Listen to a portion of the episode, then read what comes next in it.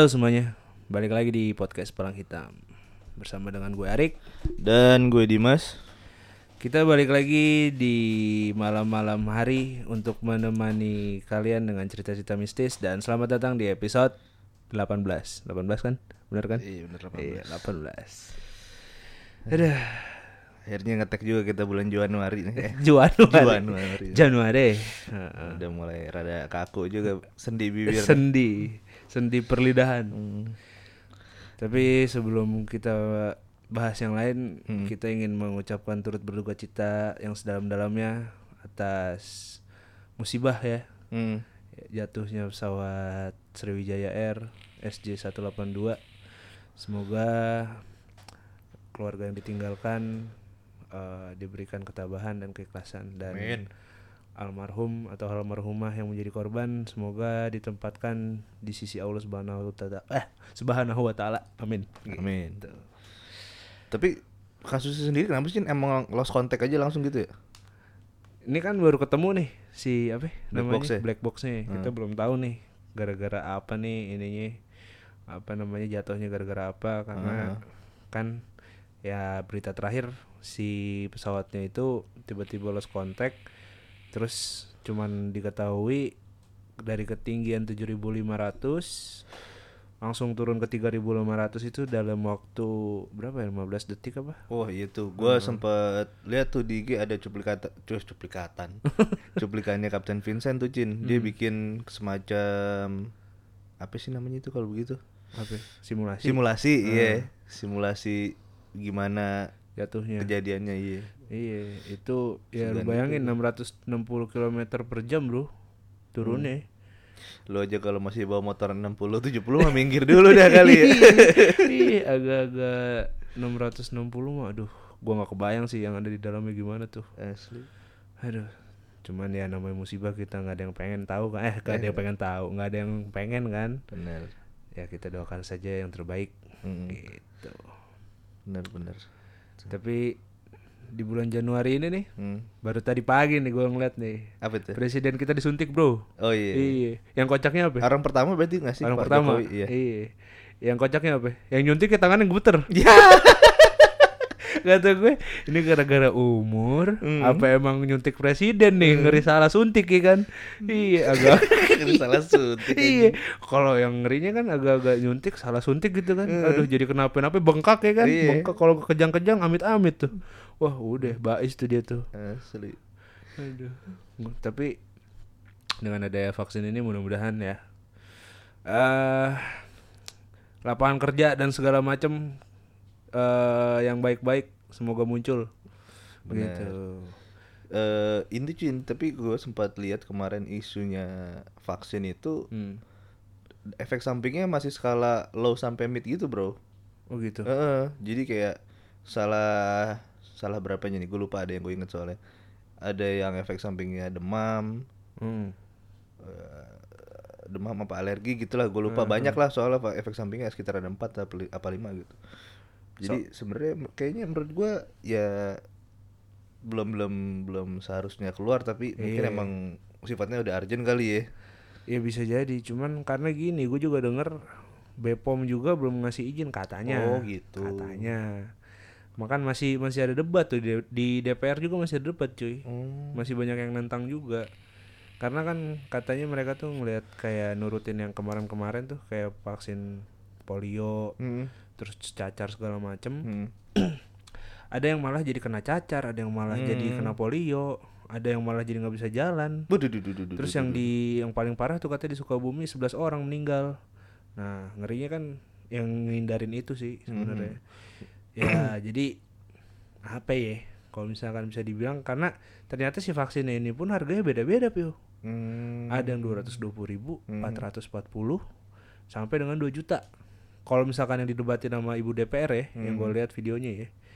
Nah kan berarti kan apa ya, beda harga, beda kualitas ya kan. Hmm, Kita ngeri juga nih mana yang dikasih free yang mana. gitu. bukannya kita dapat subsidi dari negara ya ya kan dibilangnya kan emang gratis. Cuman kan Hmm. kita nggak tahu nih yang gratis nih yang mana nih 220 ribu apa yang 2 juta gitu kan. oh Yang ngerinya kita dikasih ngeri-ngeri sedap gitu ya, dikasih yang murahan. Hmm. eh gua nggak tahu ya kalau misalkan daya tahan tubuh lu kuat mungkin lu biasa-biasa itu aja. dia gue takutnya apa ya vaksinnya kalau menurut gue masih bersifat prematur sih Nah. jadi apa ya em, efek samping yang ditimbulin ke setiap orang tuh masih beda-beda Iya, kayaknya iya. let's say misalkan Pak Jokowi nanti sehat-sehat aja nih Hmm. takutnya dicoba di orang lain tuh belum tentu kayak gitu bro Iya, ngerinya.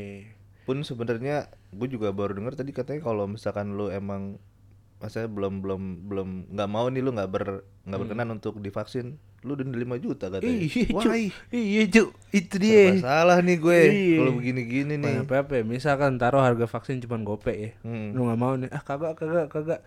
Ngerinya ntar gue kenapa-napa gitu misalkan ya. Yaudah 5 juta dah. Ya, gimana tuh? Duh, gue jadi ngeri-ngeri sedap jadinya. iya. Nggak ngerinya lagi. Lu kalau nggak divaksin lu nggak bisa ke mana-mana cu. Ngerinya kan itu. Iya bener. Aduh. Ya, tapi semoga kita doakan yang terbaik untuk negeri ini ya. Iya, amin deh. Semoga semua pemimpinnya amanah, amin. Semoga di tahun 2021 ini menjadi awal yang baru nih. Iya. Iya. Tapi gue dapat lampu hijau nih, Cin. Apa nih? Sekarang tanggal berapa sih? Tanggal 13 ya. Hmm.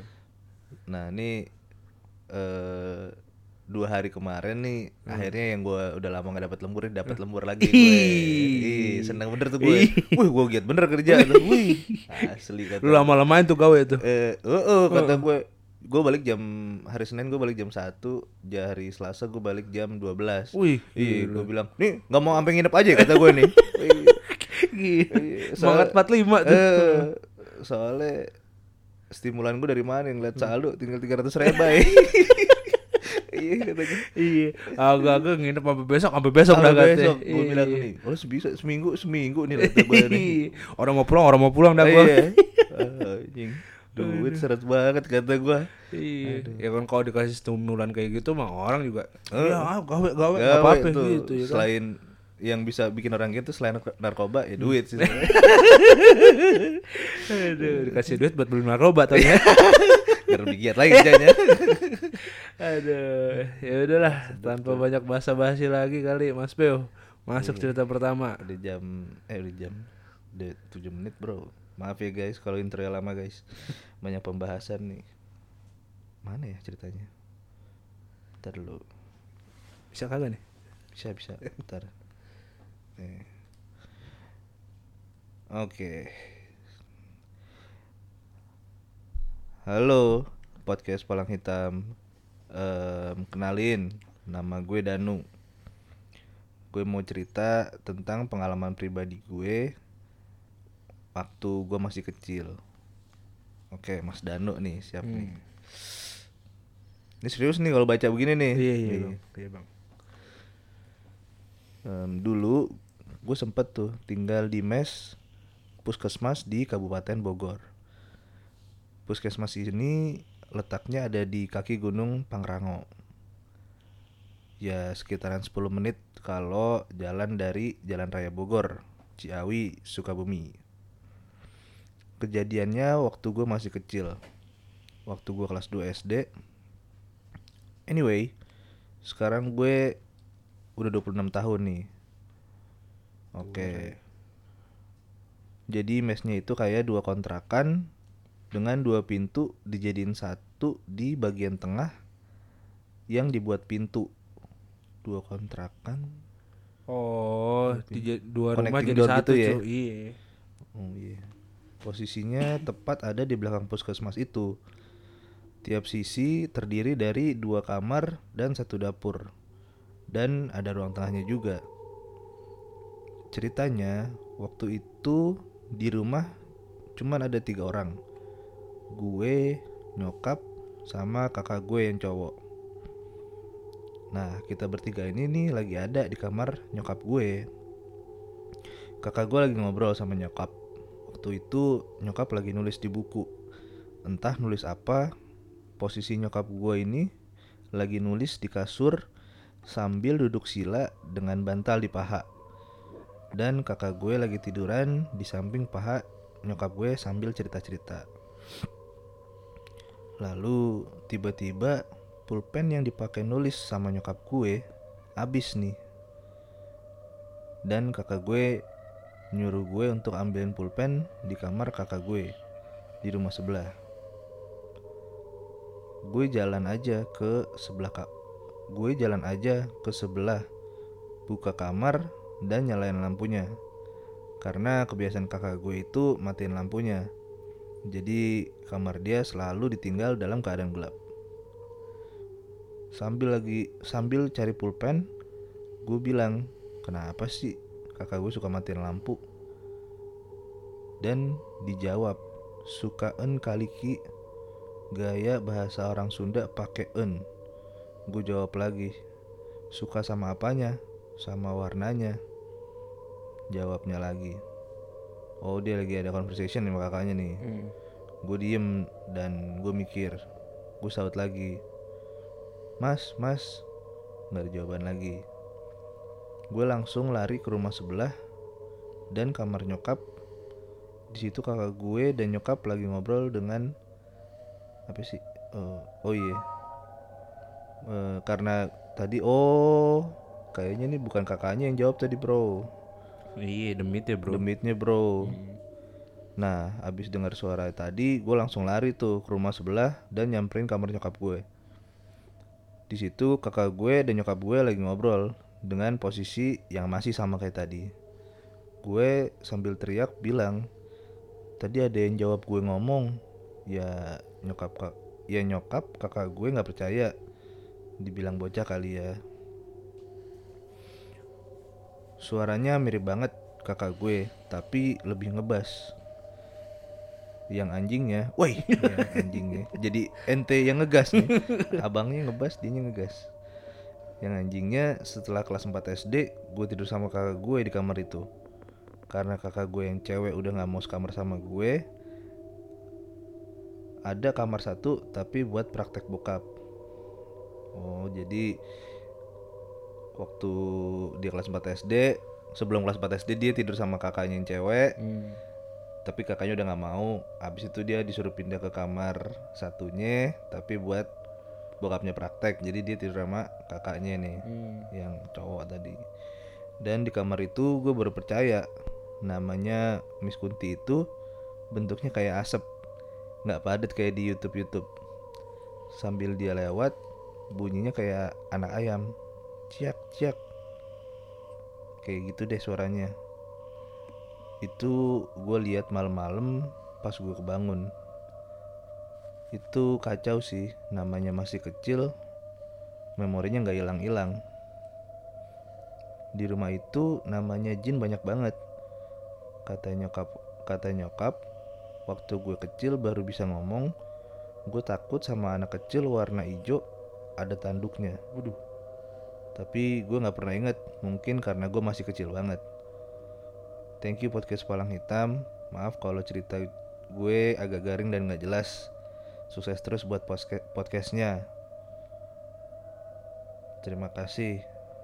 Ya sama-sama Bang Danu. Siap, Bang Danu. Makasih juga ada kita. Hmm. hmm.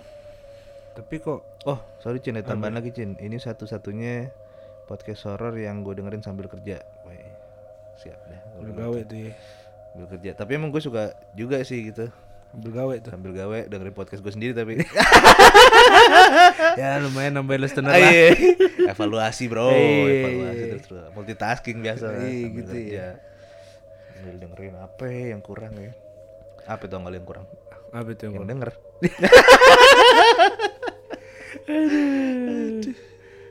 Ini Mas Danu nih. Kalau gue denger-denger ya. Kok dia kagak kayak ketakutan banget gitu ya. santai aja cerita Santai biasa aja, gitu. heeh. Maksud gue, hmm, nggak enggak ada gitu. emosinya sih enggak, dalam eh, ceritanya. Assalamualaikum gitu, enggak ada Nggak gitu.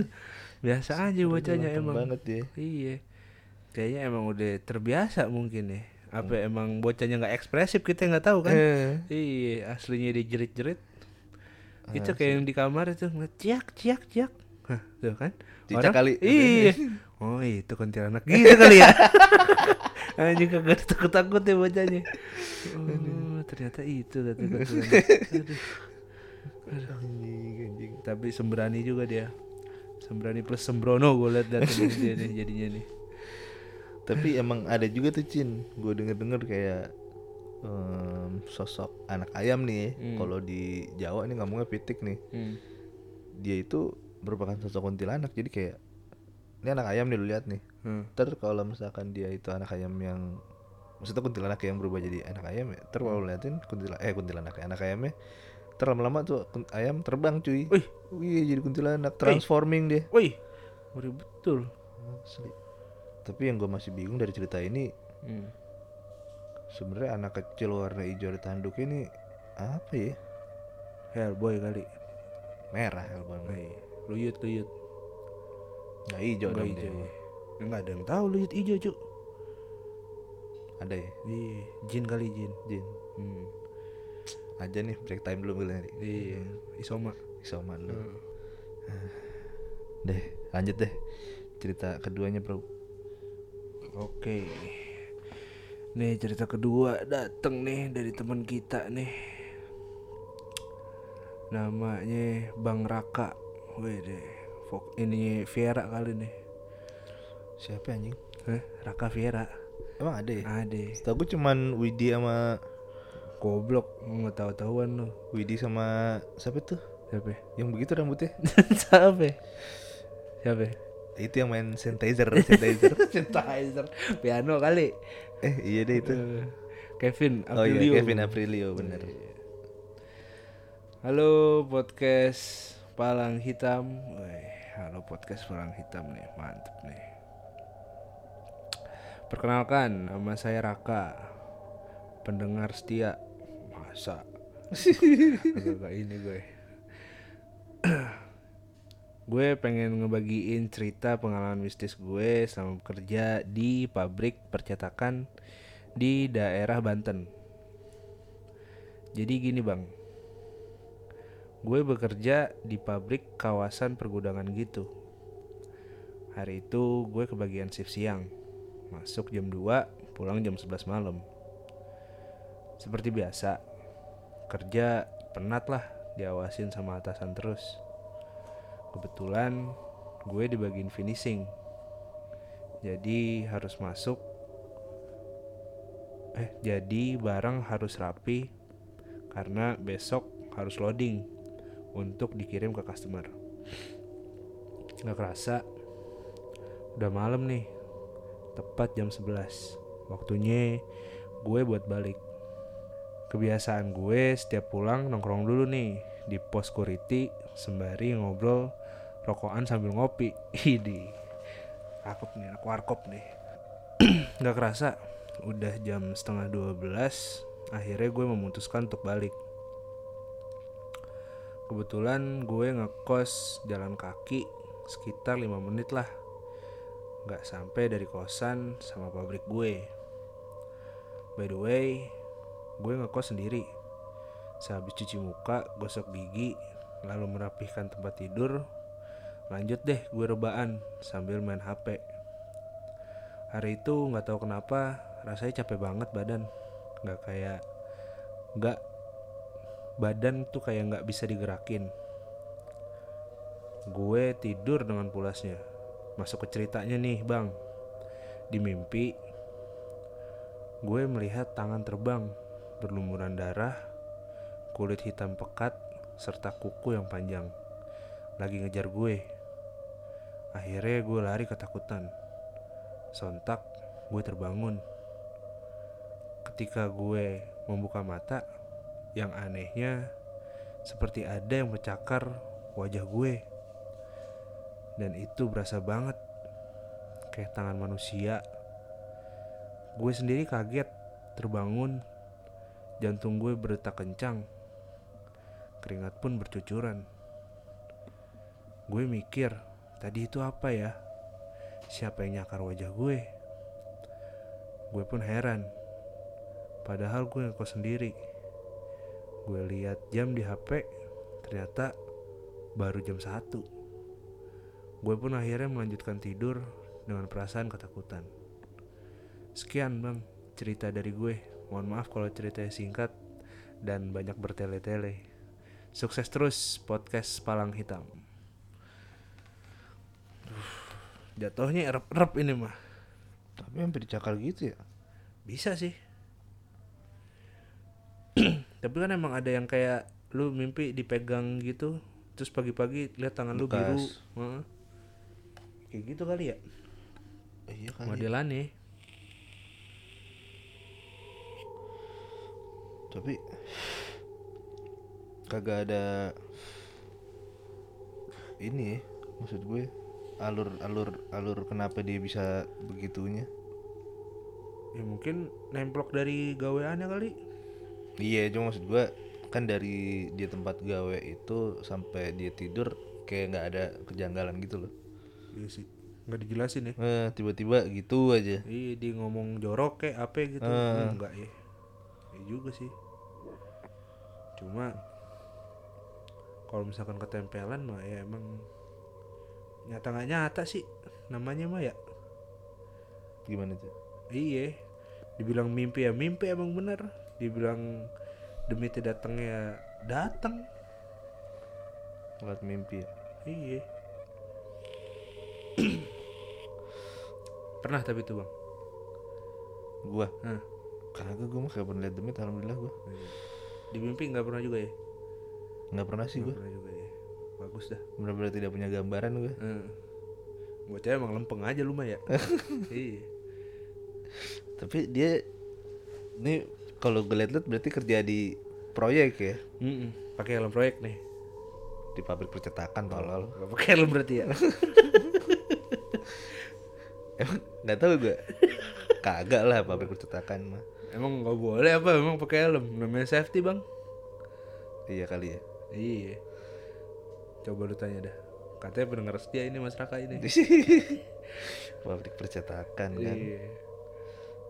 Kerjanya shift siang masuk jam 2 sampai jam 11 berapa jam tuh 14 ke 23 Hmm, cu.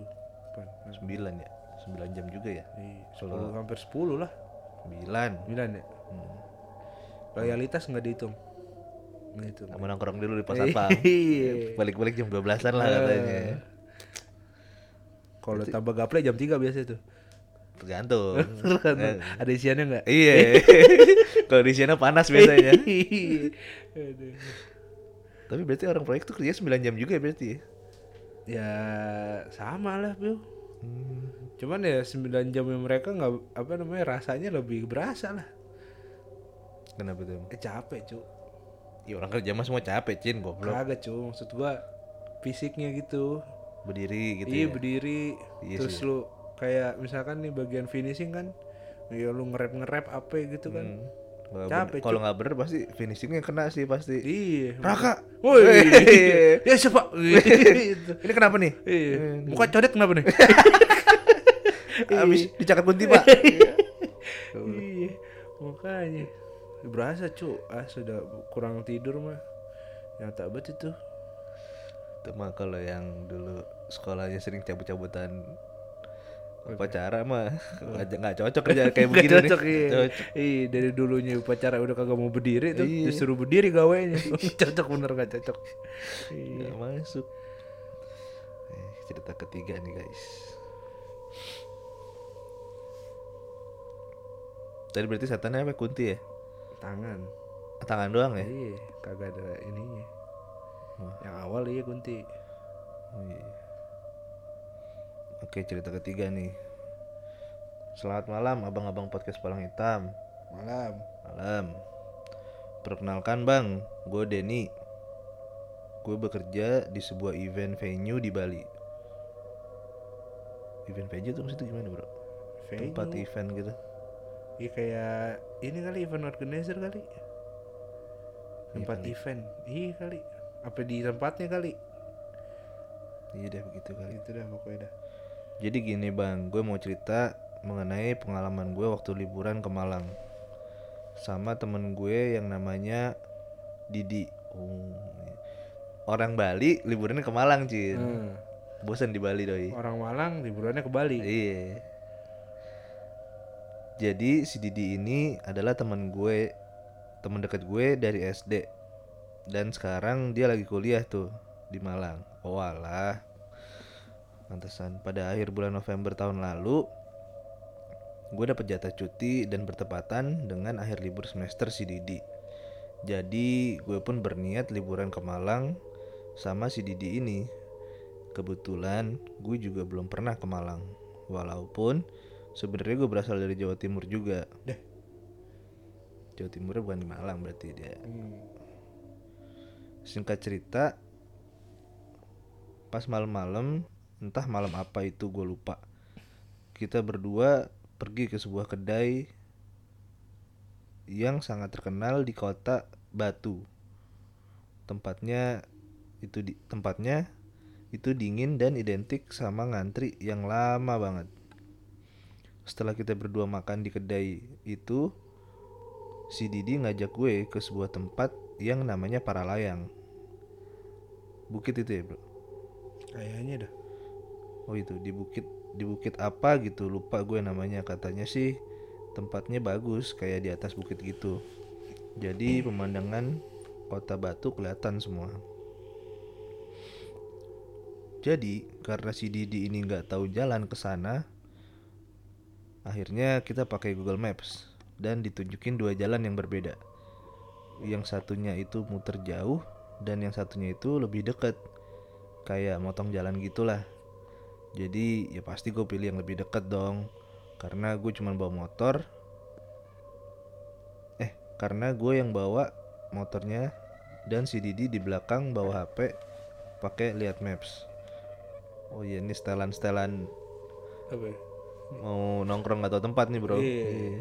Yang satu menyetir, satu megang HP.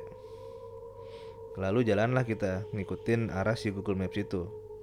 Pertamanya sih aman-aman aja, nggak ada yang aneh. Jalannya juga masih aspal biasa. Di kanan kirinya juga masih biasa aja.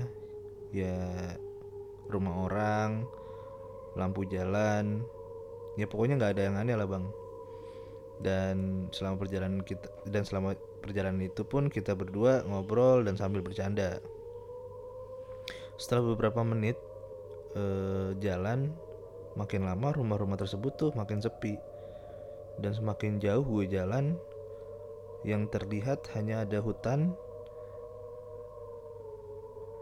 hanya ada hutan-hutan bambu di kanan dan di kiri yang miring sampai hampir nutupin jalan gitu bang Wih. Jalan yang pertamanya aspal mulus pun sekarang hanya jalan aspal lama yang bolong-bolong dan banyak batu-batunya. Saya tanyain nih ke Didi berulang-ulang. Di, bener nih jalannya Di? Kata si Didi, bener kok, masih ngikutin maps. Lalu gue pun terus ngikutin maps tersebut. Udah berasa nih makin lama makin dingin. Kabut pun makin lama mulai turun. Jadi pandangan gue ke depan pun tak terlalu jauh karena kabut yang turun itu sangat tebal. Suasana ini sangat berbeda dengan di awal kita memasuki jalan yang tadi. Yang pertamanya tadi kita masih melihat rumah di kanan kiri dan gue asik sambil ngobrol bercanda. Tapi kondisi sekarang ini benar-benar yang namanya hutan bambu. Nah, karena keadaan sekitar yang kayak gitu, akhirnya gue dan Didi pun hanya fokus diam dan menatap ke depan. Sumpah, udara ini dingin banget. Makin lama kabut pun makin tebal. Gerimis pun turun dengan perlahan. Kanan kiri jalan pun gue rasa itu udah pasti jurang ataupun hutan liar. Lalu gue lihat ada sebuah tikungan. Dan terkejutnya, gue lihat orang atau apalah itu. Gue nggak berani merhatiin. Intinya sesosok itu bawa arit yang mengkilat kayak habis diasah gitu bang. Otomatis gue kaget dong karena itu tikungan dan pas lampu motornya nyorot ke sana, aritnya itu kelihatan banget bang, mengkilat persis kayak arit yang habis diasah. Setelah melihat kejadian itu, gue sama Didi hanya bisa terdiam. Dan gue terus nanya ke Didi, Di, ini jalannya bener nggak Di? Si Didi itu pun menjawab, bener kok, lurus aja. Terus aja ikutin jalan. Karena gue pun gak tahu arah, gue pun terus jalan, ngikutin jalanan yang gelap dan berkabut ini. Setelah beberapa menit, abis dari tikungan tadi gue lihat jalan ini ditutup dikasih kayak garis polisi gitu yang tulisannya masih dalam perbaikan tapi di samping itu ada jalan tanah dan karena Google Maps masih bilang surut terus akhirnya gue pun ngelewatin jalan itu.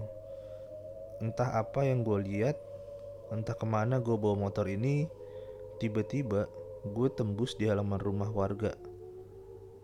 Tapi ini cuman ada tiga atau dua rumah gitu. Dan itu pun jalannya buntu.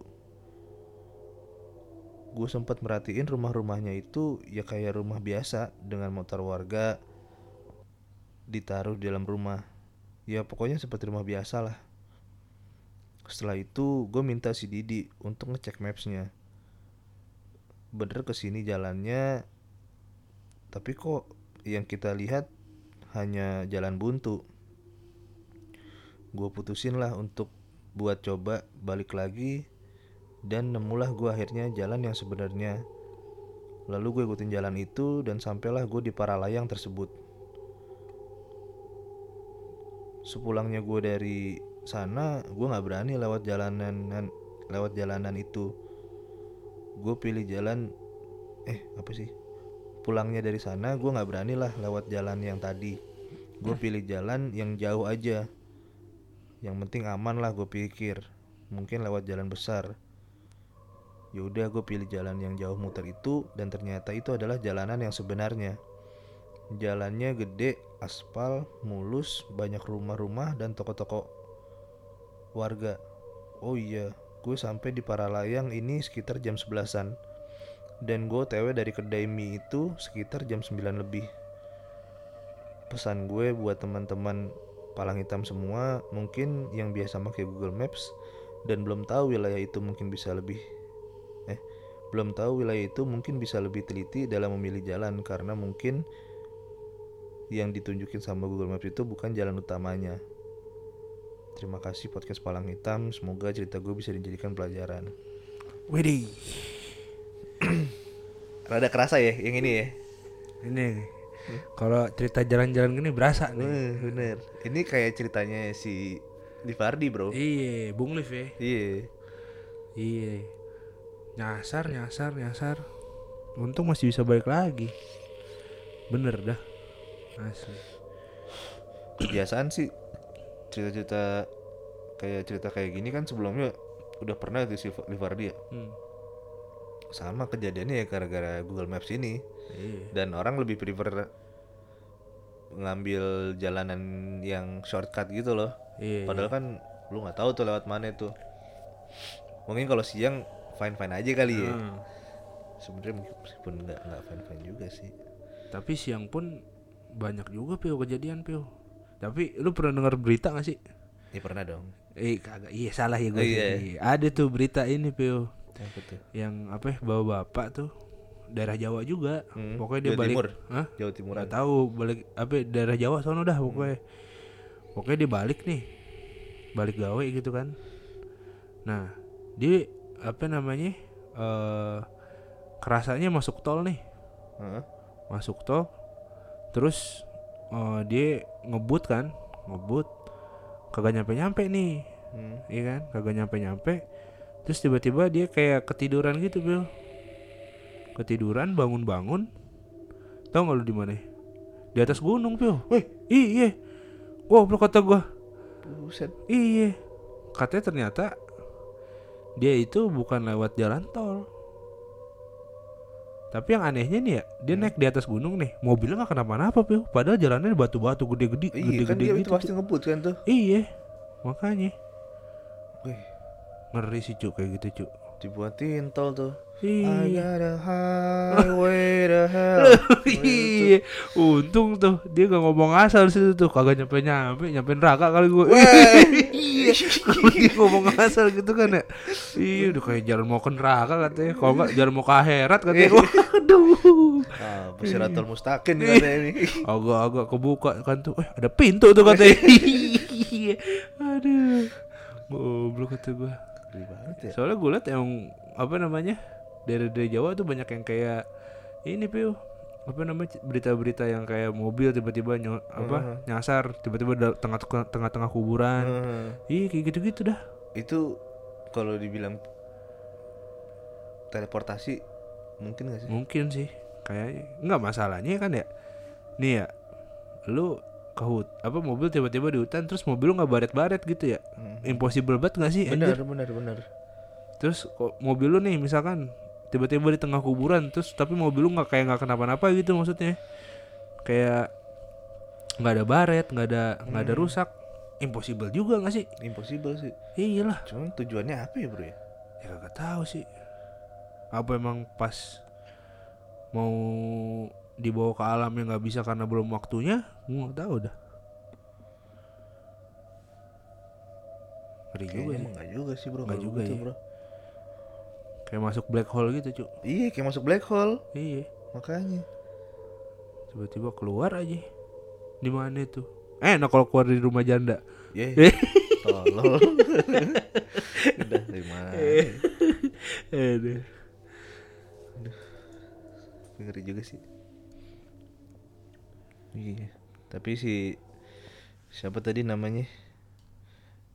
Mas Didi kayaknya teman dekatnya banget tuh kayak gitu Mm-mm. sampai nyamperin ke ngalam tuh.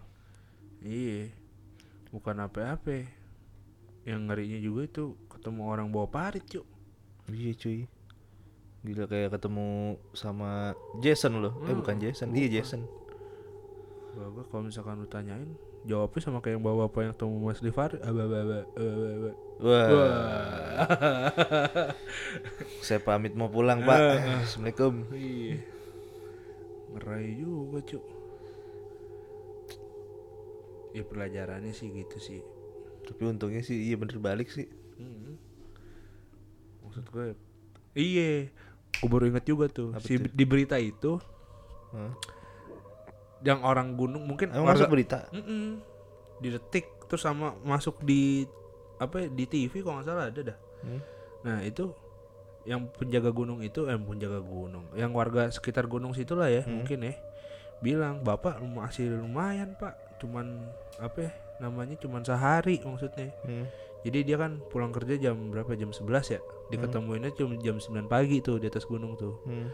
ada yang lima hari cuy. Buset. iya. Lima hari kagak kagak balik-balik tapi ketemunya di situ. di situ juga. Iya. Berarti emang tapi dia yang yang lima hari itu cuman berasa jalan tiga jam pio. Iya suka kayak gitu emang bro. Iya. Kan banyak juga tuh yang orang. Ada soalnya gue pernah denger cerita Cin kayak ini orang.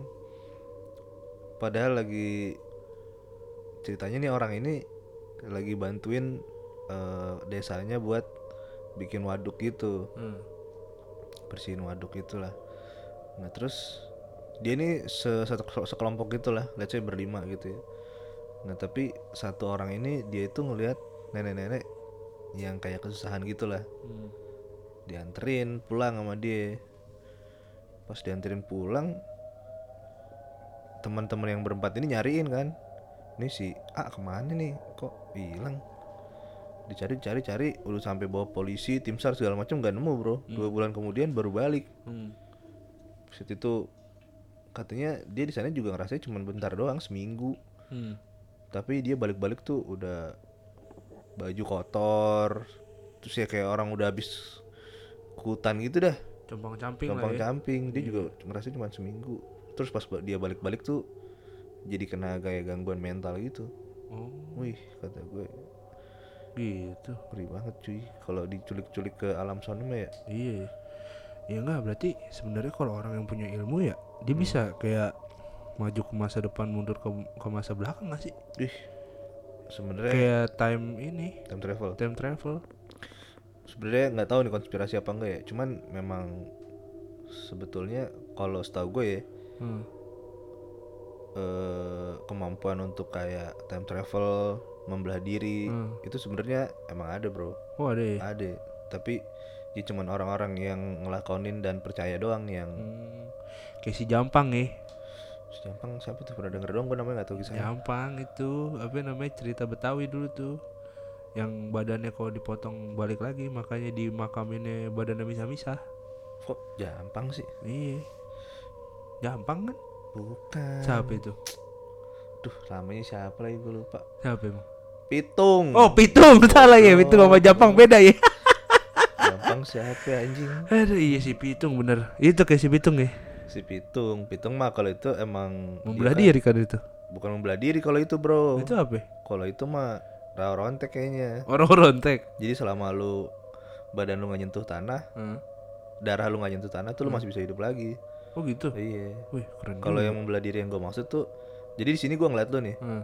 Ntar gue di tempat kopi ngeliat lu lagi, di warung gue ngeliat lu lagi. oh gitu Iya, oh kayak kodam kodam kodam. oh Kayak gitu. Eh, Jadi- tapi enak tuh kayak gitu tuh. Gawe suruh kodamnya gawe. Iya. gitu santai di rumah. Orang-orang yang punya ilmu kayak gitu nggak bakal kepikiran kayak gitu soalnya. Iya. iya iya. Aduh. Pasti tujuan bukan yang baik-baik. Itu baik, Pio. Baik. ya? Jadi, kan kita bisa bantuin emak di rumah, tapi kita lagi gawe di kantor. Iya benar. Udah. Ya udah. Eh, mungkin sekian ya untuk episode 18 kali ini. Kalau misalkan kalian suka dengan episode ini, boleh di-share ke teman-teman kalian.